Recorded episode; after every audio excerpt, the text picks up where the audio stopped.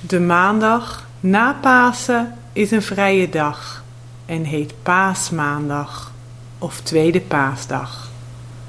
Als het mooi weer is, gaan de mensen graag een wandeling maken aan het strand.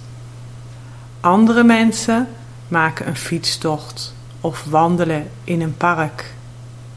Sommige mensen vinden het leuk om te winkelen en gaan naar de meubelboulevards om naar meubels te kijken.